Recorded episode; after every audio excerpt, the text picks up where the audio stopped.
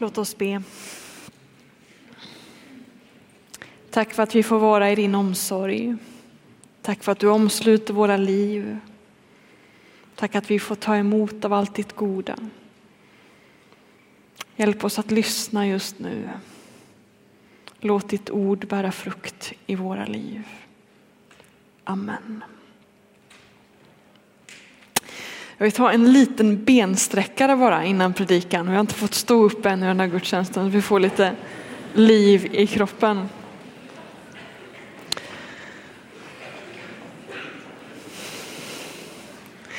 Varsågoda och sitt.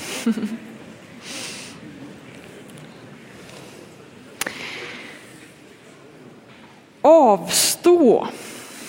Avstå, det är temat för predikan idag och för nästa söndag. Och det jag ska tala om idag är att avstå från mat, att fasta.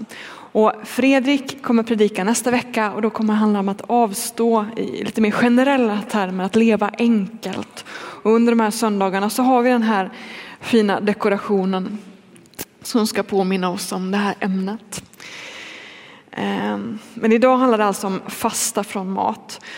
Och till dig som inte brukar gå i kyrkan eh, och som tycker att det här med fasta, det låter väldigt exotiskt. Till dig vill jag säga, du är inte ensam om att tänka så här i kyrksalen just nu. Jag tror att vi alla till mans känner att det här med fasta, det är exotiskt. Det är exotiskt. Det är någonting vi inte pratar om så ofta. Jag vet att jag jag är uppvuxen i en kristen familj, jag har gått mycket i kyrkan, men jag fick inte höra om detta med fasta eller fick undervisning med det förrän jag gick på bibelskola efter studenten. Vi talar inte så ofta om det. Ehm, så du som är ny behöver inte känna dig utanför, utan vi sitter, de flesta av oss, i samma båt. Det står inte så mycket om fasta i Bibeln, men det står mycket om att folk fastar i Bibeln. Fastan är naturlig för de, de, bibliska författarna och det verkar som att de inte riktigt tar sig tid att undervisa om det, varför man ska fasta och hur det går till och så, utan man bara nämner det i förbifarten som någonting självklart. Och då kan man fråga sig varför är det inte självklart för oss? Om det var det för eh, Bibelns människor. Eh, jo, för att tron här i västerlandet, sedan upplysningen, sedan 1700-talet, har kommit att handla om tankar. Tron handlar om vad vi tänker, bön handlar om vad vi tänker, vad för ord vi formulerar i tanken eller vad för ord vi formulerar med munnen. Bön har bara med ord att göra. Vi har tappat bort kroppens bön. För människor som lever i, i länder som inte är så påverkade av, av eh, upplysningen, som till exempel i Asien eller i Mellanöstern, för dem är detta med fasta och kroppens bön mycket mer självklart. Men vi har tappat bort det och det är synd. För är det någon som verkligen skulle behöva detta med fasta så är det vi. Och då tänker jag inte på fetma eller ohälsa. Nej, och jag vill säga det med en gång, fasta gör man inte för att få ett hälsosammare liv eller för att man ska gå ner i vikt. Nej, fasta handlar om någonting annat. Och jag vill också säga till dig, eh, du som vet med dig att du lider av ätstörningar, jag vill säga det inledningsvis, fasta är ingenting för dig just nu. Du behöver lära dig att äta ordentligt, för Guds skull. Fasta har inte med att gå ner i vikt att göra, det har inte med hälsan att göra. Fastan har med bön att göra, det är en bönhandling. Åter, är det någon som skulle behöva fasta så är det vi i västerlandet. Varför? Eh, jo, för det är ju vi i, väster, i västvärlden som har allra svårast att få till det här med bön. Ni vet, vi har så mycket omkring oss.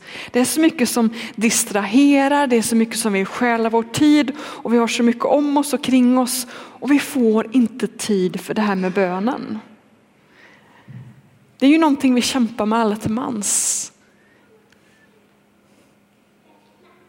Att få det här med bönen att få plats i våra liv. Och då är fastan en hjälp. Fastan, det är ingen böneform som man liksom ska hinna med mitt i allt annat. Fasta, det, det eh, Fastan det är en böneform för oss som inte har tid. Fastan är en böneform för oss som inte har tid och då tänker jag inte på att man vinner tid när man avstår från att äta. Utan för att fastan det är en böneform i sig som man kan göra medan man gör allt annat som ska göras i livet. När man ska städa och handla och lämna barn på dagis och jobba och se på tv och allt det här. Under allt detta så kan man fasta, så kan man be. Fasta har man alltid tid med. Fasta kan man göra mitt i ekorrhjulet. Fasta är en bön med kroppen. Och fasta är ingen överkurs. Vi tror ju lätt det. Ja, men det är för dem som är lite andligare där borta. Fasta är ingen överkurs utan det är någonting som kan lära dig att be. Du som kämpar med bönen, du som inte får till det där. Fastan är en hjälp för dig att lära dig att be. Det är ingen överkurs. Och jag ska återkomma till det senare i predikan. Om vi hade haft ett hav av tid i den här gudstjänsten så hade vi kunnat gå igenom alla de här bibelorden som handlar om hur människor fastar i Bibeln och så skulle vi kunna se hur frekvent det är, hur många det är som, som fastar. Men det hinner vi inte. Istället ska vi titta på vad Jesus säger om fastan. Eh.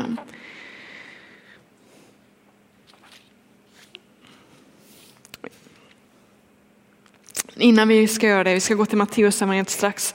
Eh. Nej, vi hoppar det. Vi går till Matteus evangeliet direkt. Matteus 9. Så här står det i Matteus 9. Sedan kom Johannes lärjungar fram till Jesus och frågade, vi är i Matteus 9, vers 14. Varför fastar inte dina lärjungar när både vi och fariseerna fastar? Jesus svarade, inte kan väl bröllopsgästerna sörja så länge brudgummen är hos dem. Men det ska komma en tid då brudgummen tas ifrån dem och då kommer de att fasta. Fastan den var en naturlig del av det judiska livet. Det fanns en rytm. Man fastade på tisdagar och torsdagar. Och sen hade man en stor fastedag en gång per året på den stora försoningsdagen, en judisk högtid. Fasta var en, en del av det judiska livet. Och nu kommer några frågar Jesus, varför fastar inte ni? De har märkt det, att, att, att Jesu lärjungar de fastar inte. Och de frågar sig, hur, hur kommer det sig detta? Ehm, och då säger Jesus att, nej men fasta, det kan man ju inte göra när det är fest. För då sårar man den som har bjudit till fest. Och man säger nej tack, jag ska inte ha, jag fastar. Jag har varit med om det en gång. I onsdag så började ju den 40 dagar långa fastan inför påsken som många i Sverige har börjat följa nu. Det är en, en gammal kristen högtid att förbereda sig inför påsken genom att avstå från någonting under 40 dagar fram till påsken. Och det började i onsdags. Eh, och när jag läste teologi så, så uppmärksammade, uppmärksammade vi det på den skolan jag gick. Eh, det var fasta, eller det vi, vi uppmärksammade fastan. Eh, och då är det så att jag fyller alltid år under den här perioden inför påsk. I mars fyller jag år. Och då hade jag bjudit mina studiekamrater, en del av dem på kalas. Jag hade bakat tårta. Eh, och det var väldigt mycket tårta över. Jag märkte att det var många som hade valt att avstå från det här med kakor, sötsaker. Och det var rätt tråkigt när det här kalaset var slut att sitta där med all tårta och tänka här har jag ansträngt mig och så är det ingen som vill äta. De som är lite mer rutinerade på det här med fasta vet att när det är fest då är det tillåtet att göra undantag. Festen kommer först. Festen kommer först. Och det här påpekar Jesus här, inte kan man väl fasta när man festar. Men det finns en djupare innebörd i detta. Jesus säger Att inte kan väl man fasta när brudgummen är hos dem. Vad är detta? Jo, Jesus anknyter till en, en, en metafor hur brudgummen, Messias, frälsaren, eh, att folket, bruden, församlingen inte kan fasta när brudgummen, Messias är hos dem. Eh,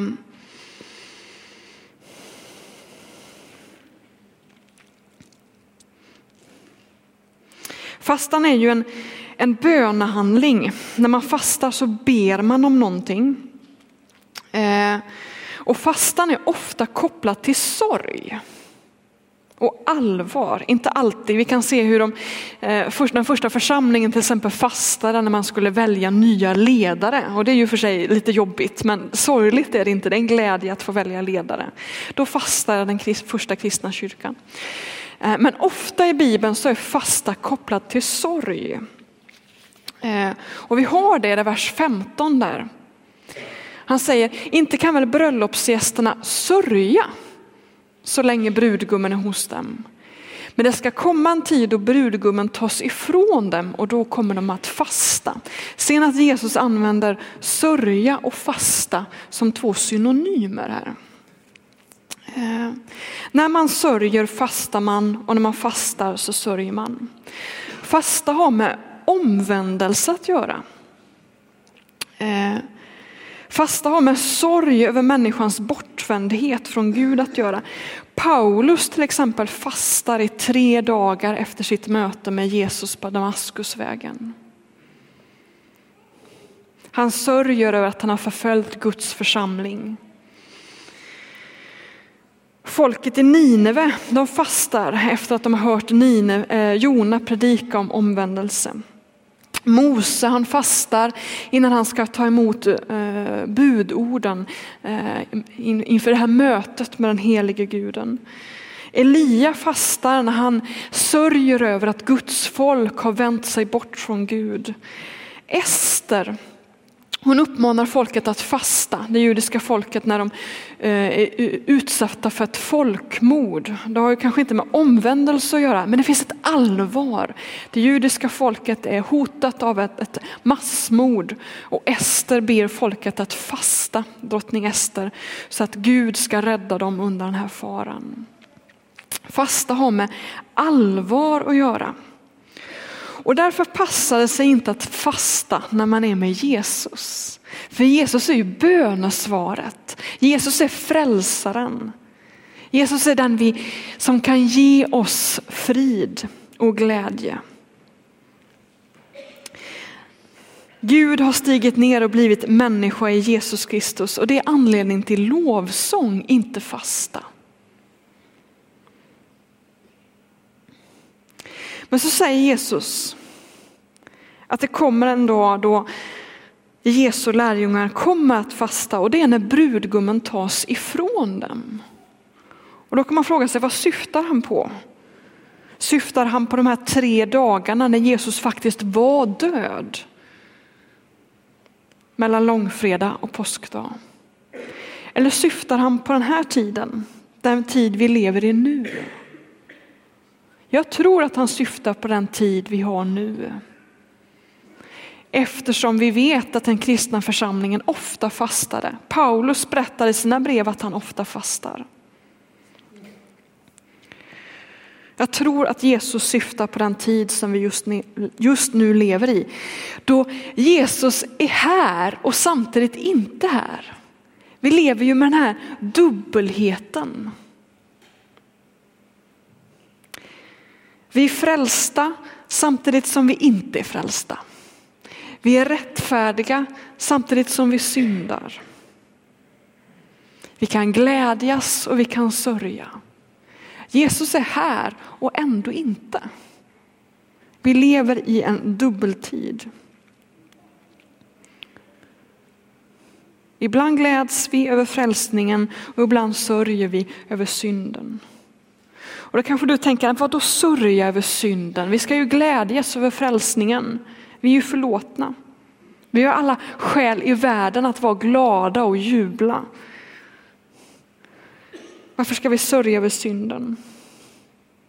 Visst är det så att du har blivit ledsen någon gång när någon församlingsmedlem kan få gjort dig illa till exempel. Någon har gjort någonting mot dig som orsakade, orsakade smärta. Visst har du sörjt då? Det är sörjen över synden. Visst, vi kan glädjas över frälsningen och ändå har vi synden mitt ibland oss som förstör i relationer i våra egna liv. Och ibland är det tid att sörja över det. Vi ska sörja över andras synder men vi ska också sörja över våra egna synder. Det är en del av den här mellantiden. Det finns dagar då vi ska fasta. Och så finns det dagar då vi ska festa. Vissa dagar ska vi jubla, andra dagar ska vi sörja. Och då har kyrkan av tradition sagt att de här dagarna är bra att fasta på och de här dagarna är dumma dagar att fasta på. Finns det sån tradition, till exempel söndag, då får man inte fasta. Det är en glädje. Vi möts ju på söndagar för att fira gudstjänst för att det var den dagen Jesus uppstod. Det är den dagen som, för, som, som förkunnar att Jesus är närvarande, levande. Och så finns det vissa dagar som är mer passande att fasta på, till exempel fredagar till minne av Jesu död. Det finns en tidig skrift från hundratalet som heter Didache eller de tolv apostlarnas lära. Den, den, den äldsta utombibliska kristna text vi har. Den säger att man som kristen bör fasta på onsdagar och fredagar. Det är rätt mycket. Och kanske du tycker, men vadå, räcker det inte med att tro på Jesus? Vad är det här för snack? John Wesley, ni vet, den stora evangelisten i England Eh, på 1700-talet. Han läste Didache och uppmanade sina medlemmar att faktiskt fasta på onsdagar och fredagar. Han var ju den som verkligen kunde förankra människor i nåden. Han uppmuntrade till fasta. Och så har vi den här tiden då som allt fler i Sverige bör uppmärksamma, tiden före påsk då det är ja, passande att fasta. Och sen har vi påsken och då är det passande att festa. Vi lever i den här dubbelheten mellan glädjen och sorgen. Vissa dagar så finns fastan där, vissa dagar finns festen där. Och jag tror att ska man kunna lära sig att festa så behöver man också fasta någon gång. Vi behöver den här dubbelheten. Det kan bli en, en väg till dig att upptäcka glädjen.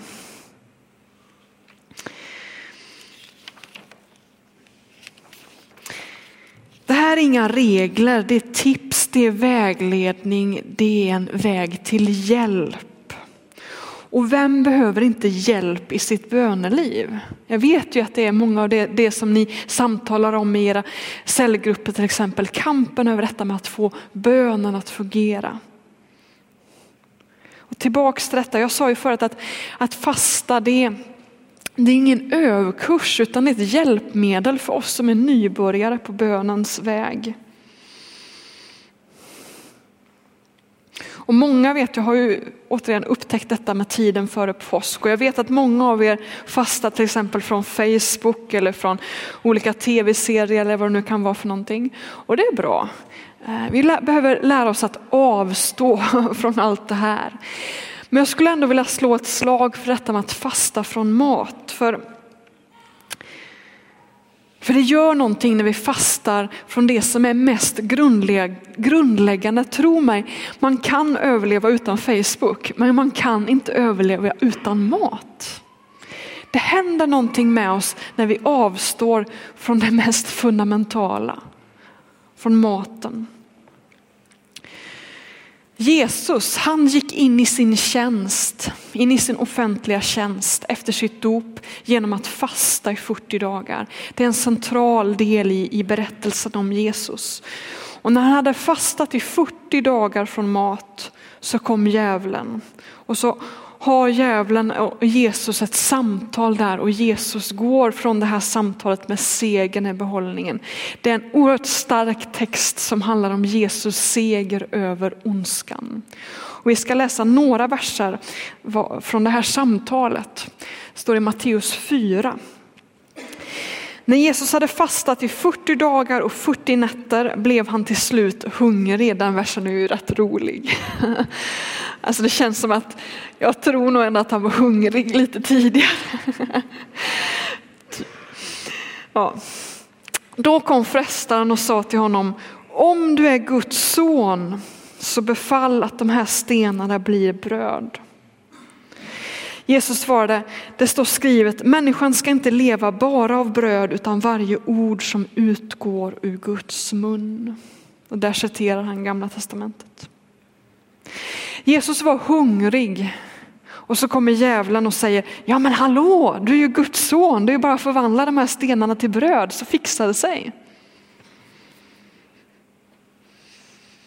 Och så säger Jesus detta, människan lever inte bara av bröd utan av varje ord som utgår ur Guds mun. Jesus säger, för mig är hungern efter Gud viktigare än hungern efter mat. Gud är främst i mitt liv, säger Jesus. Fadern är främst i mitt liv. Det sker någonting med oss när vi avstår från det som är mest grundläggande. Vi kan inte leva utan mat, men det finns någonting som är betydligt viktigare och det är vi kan inte leva utan Gud. Gud är den som gett oss livet. Gud är den som ger oss luften att andas.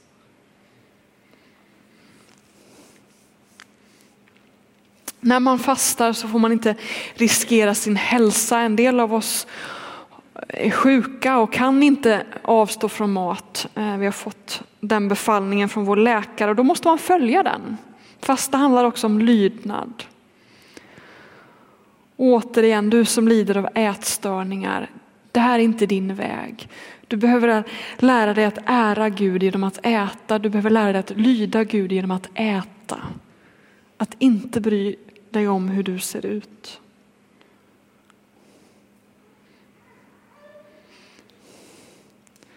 Man måste vaka över sin hälsa. När man fastar så blir man hungrig, alltså det är vad som händer. Visserligen kan man fylla magen med vätska så att en del av de här hungerkänslorna försvinner, men man blir svag. Speciellt om man bara fastar en kortare period, om man fastar längre så, så försvinner faktiskt en del av de här hungerkänslorna. Och jag har hört många säga detta att nej men jag kan inte fasta för att då tänker jag bara på mat och då kan inte jag be och jag blir så distraherad och det går inte, det funkar inte. Och då har man inte fattat detta med att, man, att fastan är en bön med kroppen. Som sagt, vi är så fokuserade på detta med tankarna, på orden, att bön ska handla om att vi är koncentrerade i tanken. Men fasta är en bön med kroppen och hungern, svagheten är en del av denna bön. Därför kan du inte säga så, nej men jag fast, kan inte fasta för då, kan jag inte, då tänker jag inte på Gud, då tänker jag bara på mat. Ja just det, det är det som är själva poängen. Att du ska leva med den hungern. Hungern är inte ett störningsmoment när man fastar utan en del av bönen. Det är bönen i sig. Så du som, som har svårt för detta med koncentration i bönen, fasta. Då blir hungern en bön i sig. Och den hungern kommer att göra någonting med ditt liv. Den här hungern kommer hjälpa dig att förstå vem du är och vad du behöver i ditt liv. Och du kommer utsättas för en miljard olika frestelser från att nej men jag måste nog byta min fasta nu och nej men nej, det här. Och det är bara bra, de frestelserna kan hjälpa dig i ditt liv i Jesu efterföljd. Det kan få din överlåtelse att djupna, precis som den fick Jesu överlåtelse att djupna. Lev med de där frestelserna och stå fast vid ditt beslut. Har du tappat bort din hunger efter Gud? Har längtan efter Gud dött? Har bönens låga dött? Fasta. Fatta ett beslut att avstå från mat och låt den fysiska hungern få stimulera den andliga hungern. Det kan faktiskt funka på det sättet. Den fysiska hungern kan stimulera den andliga hungern. Hur ska man göra då? Jo, börja enkelt. Bestäm dig för att hoppa över fikat en dag. Det finns vissa dagar då man hoppar över fikat av bara farten för man hann inte med att fika. Det är inte fasta. Men när man har bestämt sig för att nu ska jag hoppa över fikat, då är det fasta. Och då kommer det kännas på ett helt annat sätt än den dagen du bara hoppade över fikat. Börja i det lilla. En annan god gott tips är just att bara fasta en enda dag. Från klockan 18 till, på kvällen till klockan 18 nästa dag, den judiska dygnsrytmen som går från kväll till kväll. Då, då slipper man att somna hungrig, det är en god ordning. Att äta kvällsmat på kvällen och sen inte äta någonting för en kvällsmat igen nästa dag. Det är en god ordning. Kanske skulle du testa det en dag. Någon gång under den här 40 dagars perioden fram till påsk. Se vad den gör med ditt liv. För så här är det med fastan. Du kanske tycker att jag fattar fortfarande inte vad det där ska vara bra för. Eller vad, vadå? Fasta, det är någonting som man inte som man förstår genom att praktisera det, inte genom teorin. Vi är så väldigt fokuserade med först teori och sen praktik. Men vissa saker förstår man bara genom att göra det först. Genom att ta praktik först och teori sen. Testa och se vad det gör med ditt liv. Till sist, låt oss läsa en bibeltext bara som en slags brygga över till gudstjänsten nästa vecka. Jag ska sluta alldeles strax. Från Filipperbrevet 2.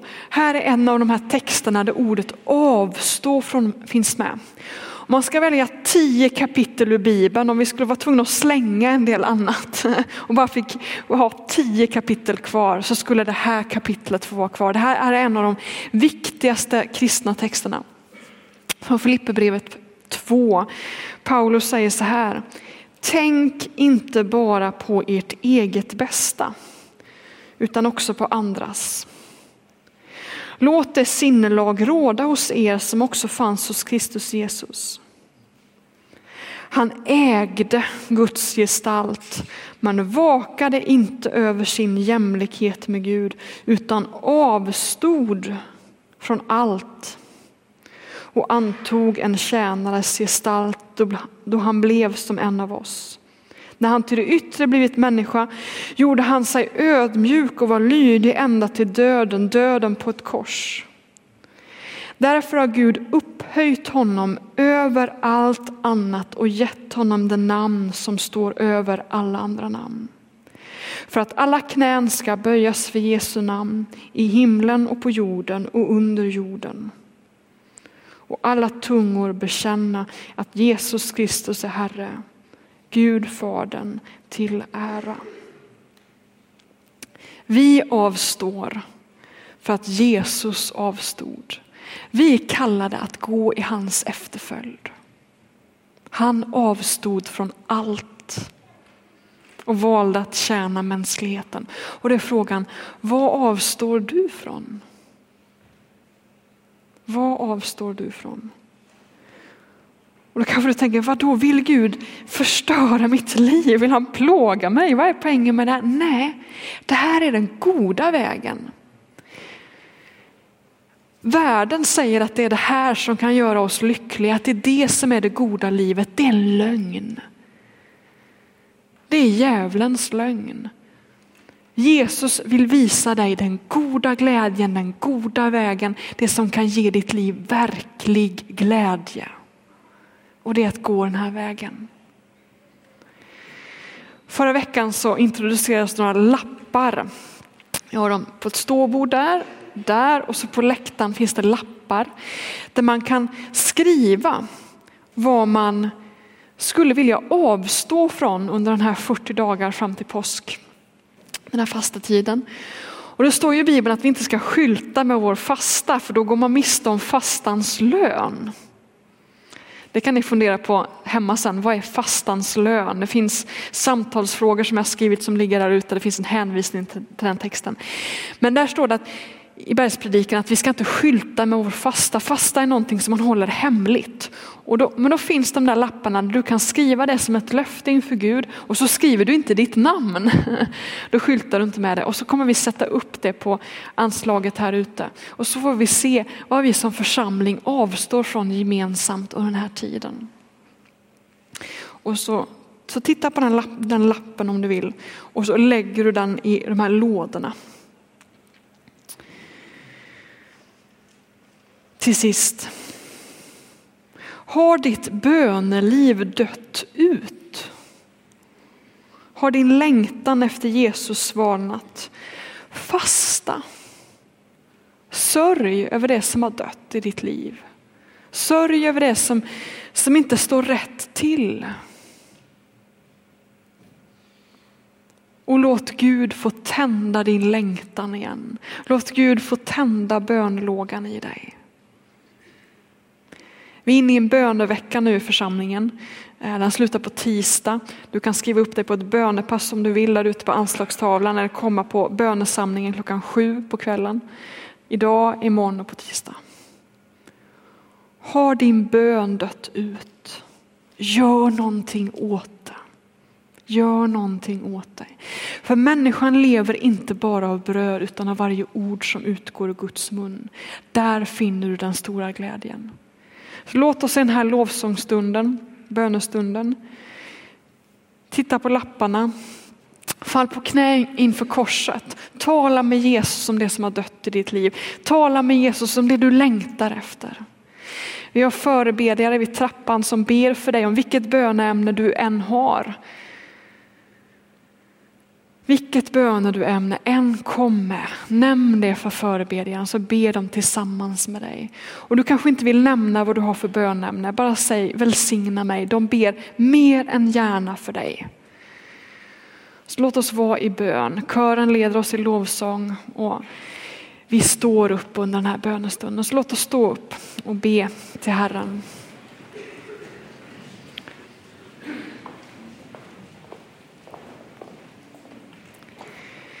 Jesus, du vet allt detta som distraherar oss.